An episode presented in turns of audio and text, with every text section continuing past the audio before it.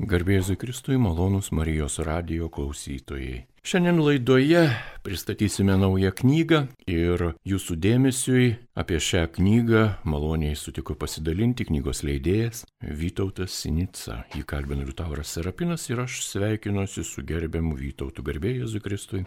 Per amžius. Taigi, nauja knyga Ukrainos karo pamokos. Gerbiamas Vytautai, kaip galėtume pradėti pokalbį apie šią knygą? Nuo ko? Žinot, atspirties taškas ir mintis, kad reikia tokios knygos apskritai Lietuvai buvo mintis, kad artėja karo metinės, kad tas karas tikrai nesibaigs nei per naujuosius, nei šiandien, nei rytoj, kad tai vis dėlto yra ilgas ir sunkus procesas. Ir kad laikas turbūt yra pažvelgti tokiu iš didesnės laiko perspektyvos žvilgsniu į tą karą ir ką mes jo metu pamatėm, ką sužinojom. Ir ne tik apie, sakykime, karybą, bet ir apie šalis, kurios dalyvauja, šalis, kurios dalyvauja tiesiogiai ir netiesiogiai. E, ko Lietuva konkrečiai gali pasimokyti iš viso to, kas vyksta. Ir aišku, buvo mintis, kad e, karo eigoje pasirodė labai daug knygų apie karą. Ir čia tikrai nėra pirma ir vienintelė, bet absoliuti dauguma tų knygų, jeigu ne visos, buvo tokios tiesioginės patirtys. Atsiminimai, pasakojimai, dienoraščiai, išleista nemažai tiesiog istorinių knygų, nes Ukraina tapo įdomi ir aktuali Lietuvos visuomeniai. Bet bandymo analizuoti tai, kas vyksta, daryti išvadas, kurios na, nepasentų per savaitę, tarsi ir nebuvo, arba man nepavyko to pastebėti šiaip jau sekant šitą visą tematiką. Ir pradėjus dėlioti šitą knygą, nes ši knyga yra straipsnių ir interviu rinktinė. Jie nėra visi nauji, nors kai kurie yra jau šių metų, jie, jie apima visą tą vienerių metų laikotarpį, kai kurios išvalgos pralenkusios laikas šiek tiek buvo padarytas pačioje karo pradžioje. Pastebėjau ir per daug nenustebau, kad e, dauguma, turbūt 90 procentų visko, kas pasakyta apie karą, labai greitai sensta. Ypač, aišku, dalykai, kurie susijęs su taktika, su įvykiais fronte tik kažkas esmingiau pasikeičia ten ir pasensta viskas, kas pasakyta prieš tai. Ir vis dėlto yra dalykų, kurie nepaseno, nepaseno nuo pernai, nepaseno nuo šios žiemos ir, ir manau, kad nepasens ir praėjus metam ir daugiau po šios knygos pasirodymo. Tai yra bandymas tokiais keturiais pjūviais, keturiom temom pažiūrėti į šį karą. Ar galėtumėte vieną paskui kitą tą pjūvį šiek tiek ir apžvelgti šioje laidoje? Žinoma, pirmasis iš keturių yra pati Ukraina.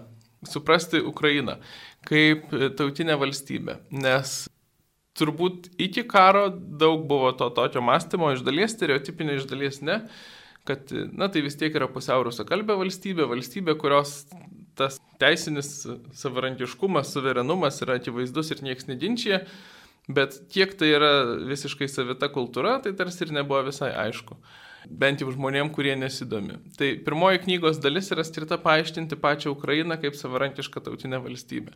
Jos istorija, taip bendrai, jos ypatingai tarpukario istorija, kai prasidėjo jos kovos už modernų valstybingumą ir savarankiškumą, jos išsivadavimo judėjimas, kuriam nepasisekė taip, kaip pasisekė Lietuvai, ji neturėjo valstybingumo tarpukario. Ir galiausiai apie na, visuomenę apskritai, šiandien, kaip, kaip reiškiasi jos, kokie yra tautiniai santykiai, kokie yra kalbiniai santykiai, kokios yra e, istorinės atminties, savimonės apskritai, na, vyraujančios tendencijos šitoj šalyje.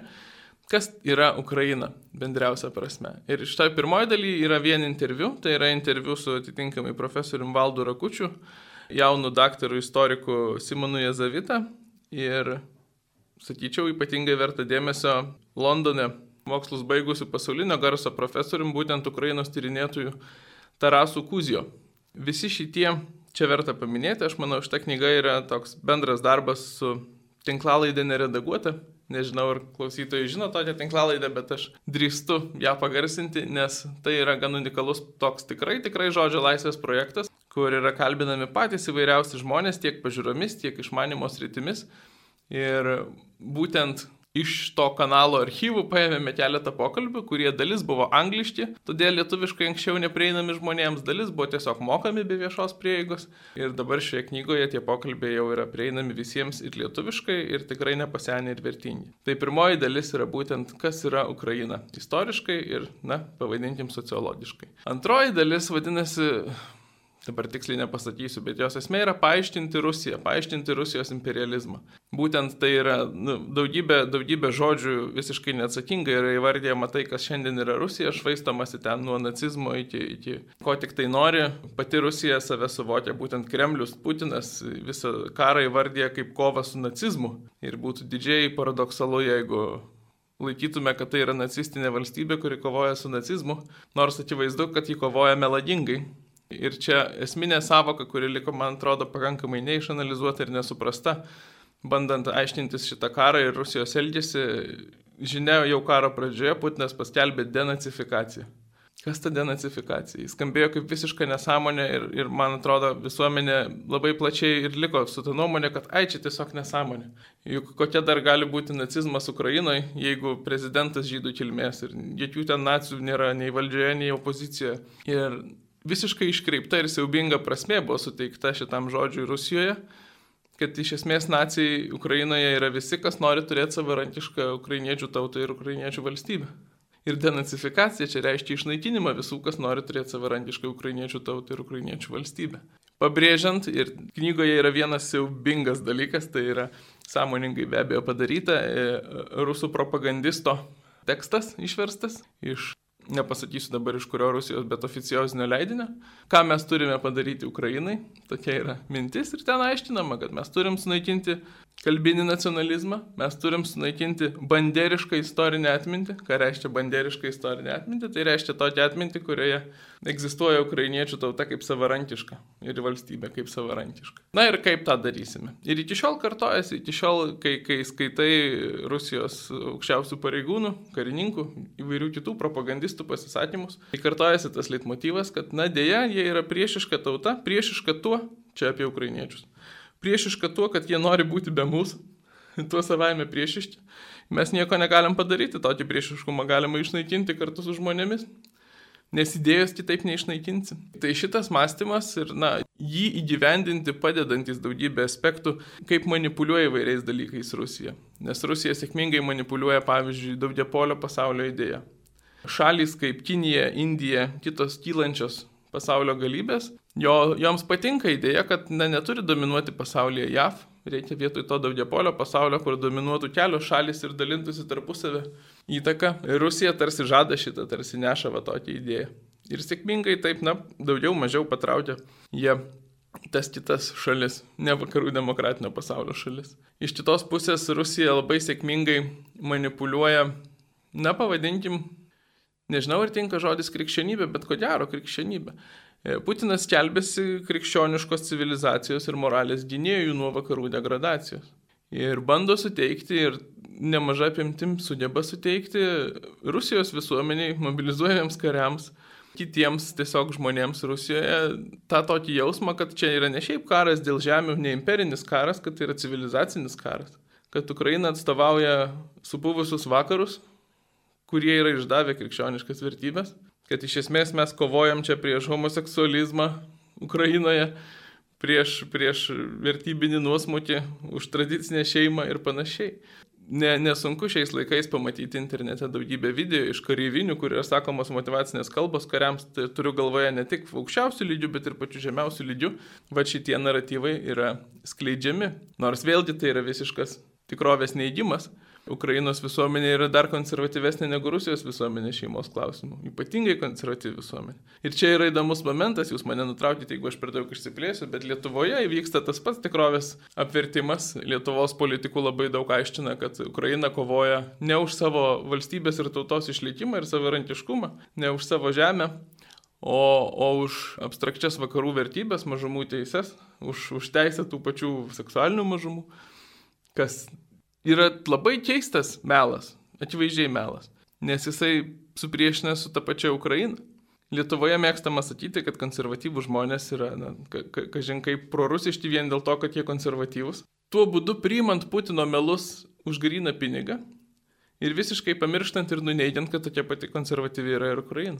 Kas geriausiai atskleidžia, kad nieko bendro tarp konservatyvumo ir Rusijos nėra ji negali savintis šito monopolio. Bet ji tai daro, daro e, manipuliatyviai ir daro iš dalies bent jau sėkmingai.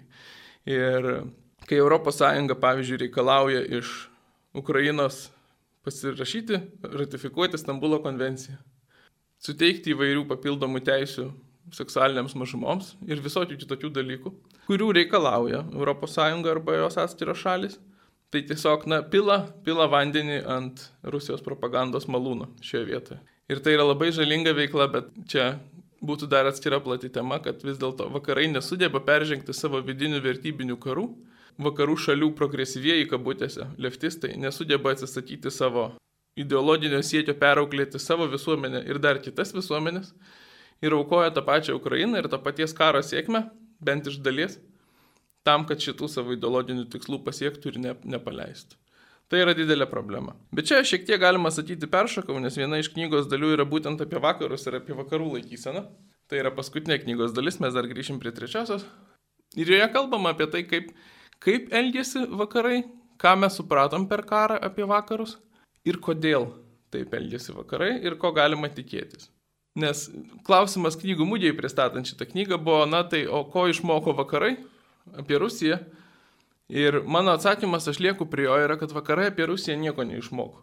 Jie atsisako suprasti tai, kas gan akivaizdu yra iš šito karo, apie tai, kokia yra Rusijos prigimtis, kad ji imperinė, kad su ja neįmanomi yra tiesiog draugiški arba tiesiog pragmatiški verslo santykiai. Tai yra šalis, kuri visada visus verslo ir kitus santykius naudos kaip svertus palaužti politiškai. Ir visada, jeigu turės jėgų, tai puls nes ji laiko, kad jo saugumo interesas yra plėsti savo teritorijas į kaiminės šalis. Tai va viso šito vakarai nesupranta, jie mano, kad jų pragmatiški santykiai su Rusija yra labai gerai, ypatingai čia yra išsiskiriantis pavyzdys Vokietija, kuri ilgus dešimtmečius statė savo santykius ant pragmatiškų santykių su Rusija ir ant Rusijos pigių žaliavų, kurios leido Vokietijos pramoniai būti konkurencingai pasaulyje. Ir jie niekaip nenori to atsisakyti. Ir čia susideda bent keli dalykai, kurie, kurie neleidžia pakeisti to mąstymo. Viena vertus tiesiog aukštų pareigūnų, tokių kaip Šrioderis, bet ne tik Vokietija, įvairiose šalise asmeninis interesas. Jie gyveno iš šitų santykių, jie turtėjo iš šitų santykių ir jie nenori, aišku, jų atsisakyti. Kitas dalykas yra ideologinis, gal taip reiktų sakyti, ar geopolitinis. Baimė, kas bus, jeigu Rusija pralaimės. Mes girdim nuolatos, ypač Makronas mėgsta kartoti, kad negali būti taikos be Rusijos, Vienintelė saugumo architektūra Europoje galima su Rusija ir mums reikia ieškoti tokios architektūros. Ir kaip Vokietijos kancleris pasako, o jis tą vis pakartoja laikas nuo laiko, kad e, negalim šiame kare nueiti taip toli, kad po to nebegalėtume grįžti prie dėrybų stalo ir nu, vėl sukurti normalių santykių su Rusija. Tai kai Ukraina kovoja dėl išlikimo ir supranta, kad e, vienintelė neagresyvi ir nepavojinga Rusija yra silpna Rusija, kuri tiesiog neturėtų jėgų pulti ir naikinti savo kaimynų. Vakarų šalis kaip tik labai bijo, kad Rusija taptų tokia silpna, kad nebegalėtų užtikrinti tam tikro stabilumo. Nesaugumo, o stabilumo savo regione. Ir atskira dalis tos vakarų baimės yra brandolinė baimė. Vakarų šalis labai tiki Rusijos grasinimais apie brandolinės atakas.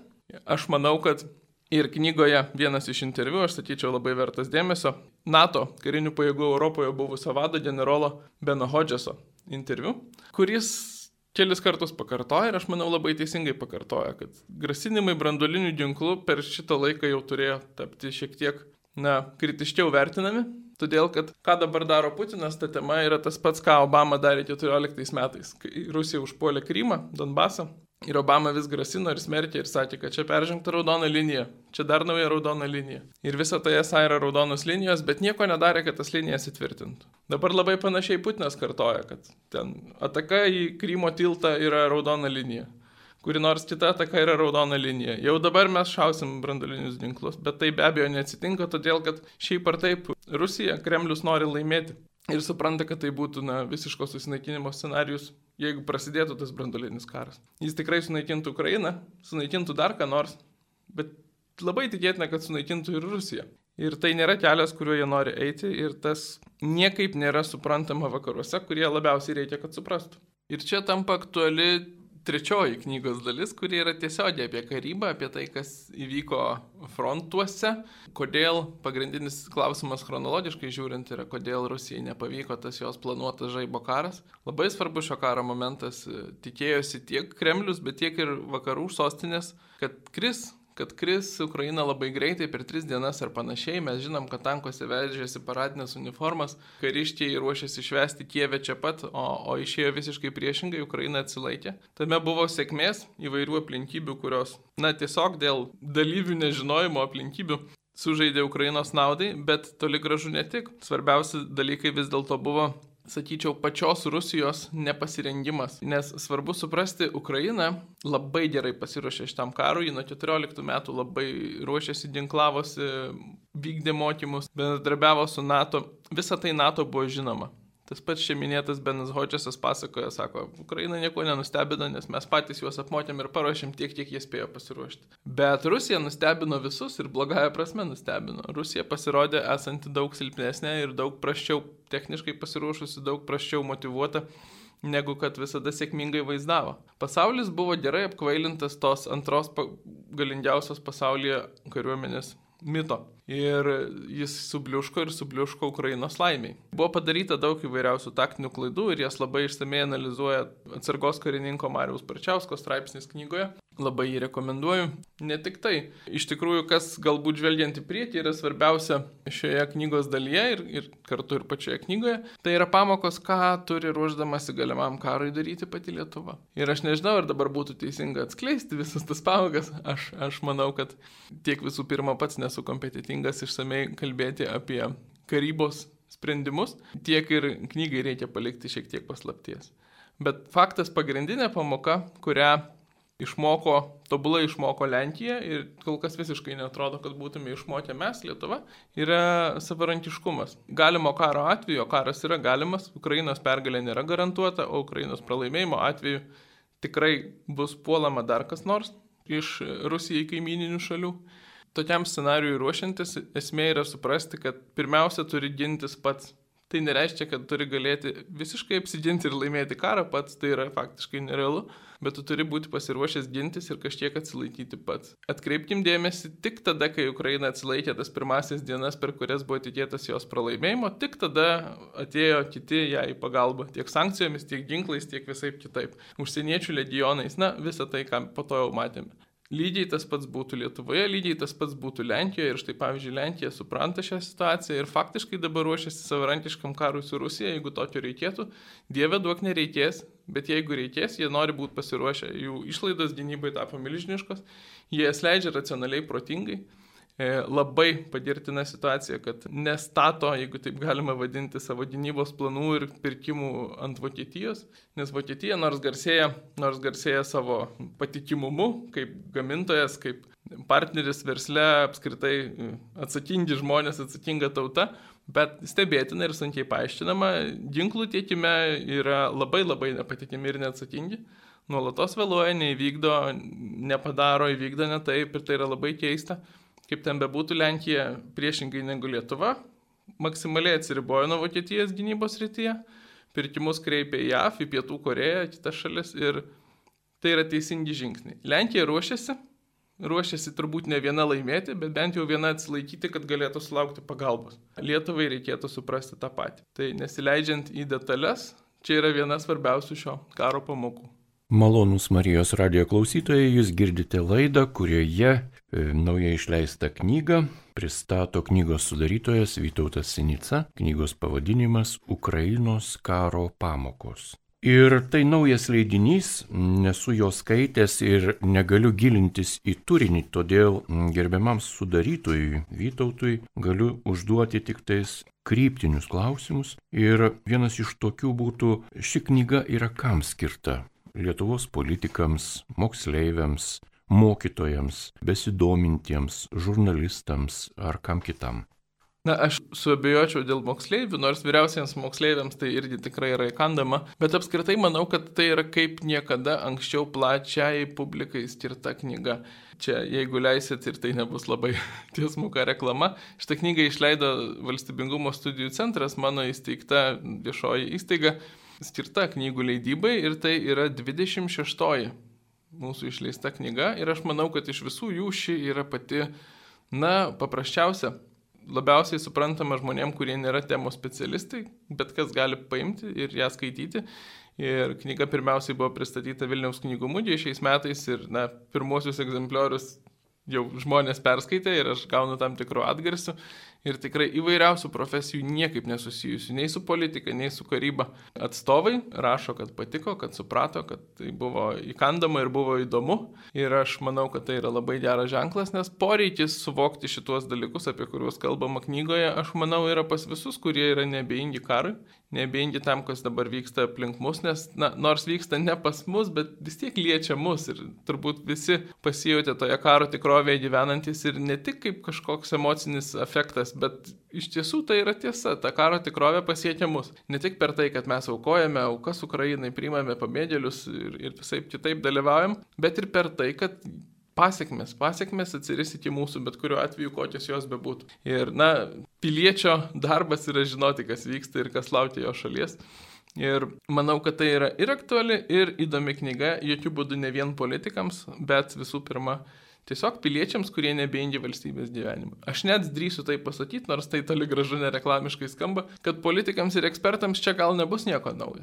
Žmonės, kurie visus metus profesionaliai sekė, kurie darbas reikalavo sekti karo įvykius, na, tuos dalykus turėtų, tai būtų pareiga būti jau skaičius, supratus, apmaščius. Visų pirma, būtent visiems kitiems, kurių darbas ir pareiga nėra sekti ir analizuoti karo įvykius, čia yra sukramtyta ir pateikta, na, mano supratimu, geriausia, kas buvo Lietuvos viešoje erdvėje, mąstoma ir kalbama šią temą. Norisi grįžti dar prie ketvirtos šios knygos dalies, kurioje jūs apžvelgiate vakarų poziciją į neteisingą karą tarp Ukrainos ir Rusijos, kur agresorius yra labai aiškus, tai yra Rusijos valstybė ir jos valdantieji sluoksniai, iš Maskvos, be jokios abejonės tai yra labai sudėtinga karinė situacija ir vakarų, tai yra vakarų civilizacijos, tai yra Europos valstybių reakcija į šį karą, na turbūt per švelnų žodis būtų nustebino visus. Gal galima būtų dar plačiau perbėgti per šią temą. Kokios yra priežastys, kodėl, kodėl vakarai kaip čia pasakyti, nenori matyti realybės, o jeigu ją ir mato, tai imituoja ją esant kitokią. Aš manau, kad tai yra bendriausia prasme neįgymo atvejais. Ta realybė yra labai nepatogi, labai nenorima jos priimti, nes jinai nepalieka jokio gero scenarijaus pagrindinėms, na, įtakingiausiams vakarų šalims turėti tokį patogų gyvenimą, kokį turėjo iki šio karo nes likščiolinis santykis su Rusija kaip su partneriu, jis buvo iš tikrųjų patogus. Jis buvo patogus ekonomiškai, jis buvo patogus kariškai, nes leido gan ramiai žiūrėti į šitą frontą, į, į NATO rytinę sieną. Visi turbūt, kas bent kiek domisi politika, girdėjo pastaraisiais dešimtmečiais apie tai, kad pavyzdžiui JAV kreipia savo visą dėmesį, jėgas ir, ir pastangas į ramų į vandenyną, į kovą su Kinija. Ir gal mažiau žmonių girdėjo, kad prieš pat pradedant šį karą Kinija su Rusija sudarinėjo tokį kaip ir draugystės paktą. Nežinau, kaip jį formaliai pavadinti, bet buvo tarpusio pagalbos įsipareigojimai ir, na, manau, tik jį sudaręs Putinas ir ryžosi šitam karui pradėti. Kas atsitiko šitas karas, kadangi atskleidė Rusijos saliginį silpnumą, daug didesnį silpnumą negu visas pasaulis mane ir negu kad Kinija mane, Vienas ryškiausių pralaimėjimų Putinui yra tai, kad Kinija dabar žino, kad Rusija netokia ir stipri. Ir Kinija tuo pačiu, jeigu anksčiau galėjo planuoti daug įžulesnį elgesį, dabar per šį karą na, supranta, kad tas jos kaimynas nėra toks jau ir stiprus partneris. Ir permasto, be abejo, permasto galios santykius. Buvo labai įdomus oficiozinis irgi, na, Kinijoje taip jau yra. Tekstas dar praėjusi pavasarį, kuriame atvirai rašyta, kad Kinija neturi išsišokti, neturi pati savęs padaryti parium kažkokią atstumtąją šalimi palaikydama Rusiją, reikia žiūrėti pasaulio nuomonės ir jeigu pasaulis palaiko Ukrainą, tai ir mes turim laikytis taip, kad nepadarytume iš savęs, na, baltos varnos. Kas yra labai tipiškai kiniškas mąstymas ir kas reiškia, kad Kinija kurį laiką dabar turbūt tiek daug problemų ir grėsmių nekels. Bet bet kuriuo atveju, na, aš čia nukrypau, patogu vakarams buvo turėti likščilinius santykius ir tiesiog nenorima priimti tiesiog psichologiškai to fakto, kaip viskas dabar keičiasi. Beveik nebejoju, kad visais būdais bus tengiamasi, kad ir kaip baigsis karas, grįžti prie tų ankstesnių santykių. nes labai daug yra iš, iš visų svarbiausių sostinių tų signalų, kad na, dabar mes gyvenam tarsi laikinoje nenormalioje būsenoje, bet po to reikia grįžti prie normalios. Ir tas yra labai tikėtina. Ir čia susideda, dar be abejo yra ir ideologinis momentas, yra tas postmodernių vakarų įsivaizdavimas, kad mes gyvenam pasaulyje, kuriame karas iš vis yra na, kažkas nerealaus, kad reikia rūpintis globalia žmonija. Kaip Vokietija sakydavo Trumpui, kai jis diktuodavo, spaudė apie 18 metus Vokietiją, kad ši nesilaiko savo NATO įsipareigojimų. Vokiečiai rimtais veidais atsakydavo, kad na, mes užtat labai daug humanitarinės pagalbos siunčiam ir žmogaus teises pasaulį kovojam ir pabėgėlių priimam. Ir suprask, tai yra pakaitalas, ar net yra geriau negu ruošimasis karui ir gynybos išlaidos. Tai tas gyvenimas postmoderniame pasaulyje, kuriame nebėra tautų, valstybių, sienų, karų, daugelio europiečių sąmonėje toks gyvenimas ir tokia tikrovė ir buvo. Ir reikia suprasti, nors pakankamai sunku suprasti, kad tokio masto sąmonės pokyčiai lengvai neįvyksta.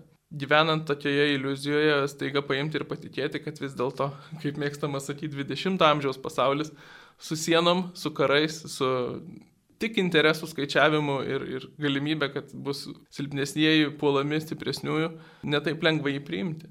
Galų gale yra tam tikras ideologinis artumas tarp e, sovietinio projekto, o reikia suprasti, jog Rusijos politinis elitas yra visi sovietinio projekto augintiniai ir pakeitė etiketės, bet vis tiek e, sovietinės mokyklos auklėtiniai ir tuo pačiu metu vakarų lyderiai, kurie mes žinome nuo ES institucijų lyderių kaip Baroso iki Vokietijos lyderių, nes tai yra svarbiausia šalis ES, kaip Merkel, tai yra na, sovietinių struktūrų ir sovietinių partijų, kairiųjų marksistinių organizacijų, iš pradžių jaunimo, o po to jau ir pagrindinių organizacijų svarbus veikėjai ir dalyviai. Tai yra marksistai pakeitę šiek tiek etiketės pasikeitus politinėms aplinkybėms, kaip 20-ojo amžiaus pabaigoje manyta triumfavus liberalizmui ir pasibaigus didiesiems karams tarp ideologijų. Bet kai paaiškėjo, kad tie karai nesibaigė, dabar visi šitie žmonės yra užstrigę tam tikroje situacijoje. Jų ideologinis pasiruošimas, jų praeitis, jų tai, kame jie išaugo, yra daug artimesnis Putinui negu tarkim mums.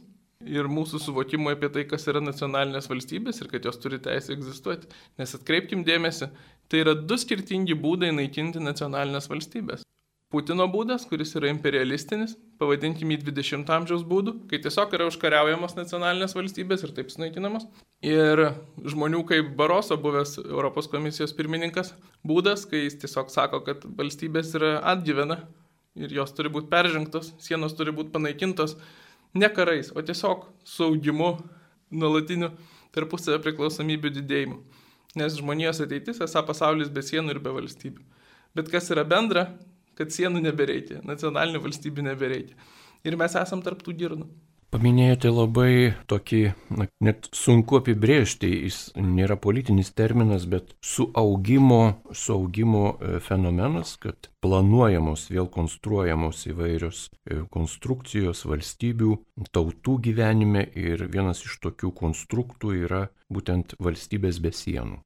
Mes turime Šengeno erdvę, kurioje gyvename, žinome, kaip tai vystėsi, kaip ši tokia nauja struktūra, kaip ji tvėrėsi ir ėjo pirmin ir šiuo metu apie Šengeno erdvę niekas nebekalba. Ir jeigu kalba, tai ta kalba yra tokia jau kaip ir atgyvenusi sena. O jeigu vytų tai šios knygos apžvalgos šviesoje, jums užduočiau klausimą, o vis tik kokia yra numatyta Europos ateitis ir kokia konstrukcija šiuo metu yra stalčiuose tų architektų, kurie nerimsta, kurie vis ieško, ieško naudos tiek savo, tiek grupuotėm, tiek interesų partneriam ir kam kitam. Kokia yra perspektyva, kokia yra ateitis Europos? Žinot, sąžiningas atsakymas yra, kad jie yra atvira diskusijai ir kovai, labiau tektų sakyti kovai, nes vyksta nuolatinė galių ir interesų kova dėl to, kuris kelias bus pasirinktas. Virš nacionalinėse Europos institucijose, Europos komisijoje, Europos parlamente, Teisingumo teisme, jeigu norit, ir daugybei kitų, visiškai vyraujantis požiūris yra, kad dabartinis integracijos lygis turi didėti, šalis turi jungtis labiau, judėti link Europos federacijos, jungtinio Europos valstybių, nesvarbu kaip tą pavadinsi kad tai yra vienintelis racionalus kelias, kad kuo daugiau yra perkeliama sprendimų į europinį lygmenį, tuo yra geriau ir racionaliau. Yra tokia teorija ir ji kaip pasitvirtina praktikoje, vadinamasis persilėjimo spillover efektas. Esą sukūrus priklausomybės tarpusavio vienose srityse, jo savaime kurs situacijas, kad reikia naujų priklausomybių kitose srityse. Iš šitų būdų ir dirba ES nuolatos ir kiekvieną krizę atkreipkime dėmesį, jau kokius 15 metų tas labai aiškiai matosi, yra reaguojama vieninteliu būdu, sakant, kad žiūrėkit, reikia giliau integruotis. Pavyzdžiui, euro krizė Mums reikia vieningos fiskalinės politikos. Atsakymas, kad reikia giliau integruoti finansinę politiką. Migrantų krizė Šalis esą nesusitvarko su savo sienomis, atsakymas iš ES mums reikia bendros sienų politikos.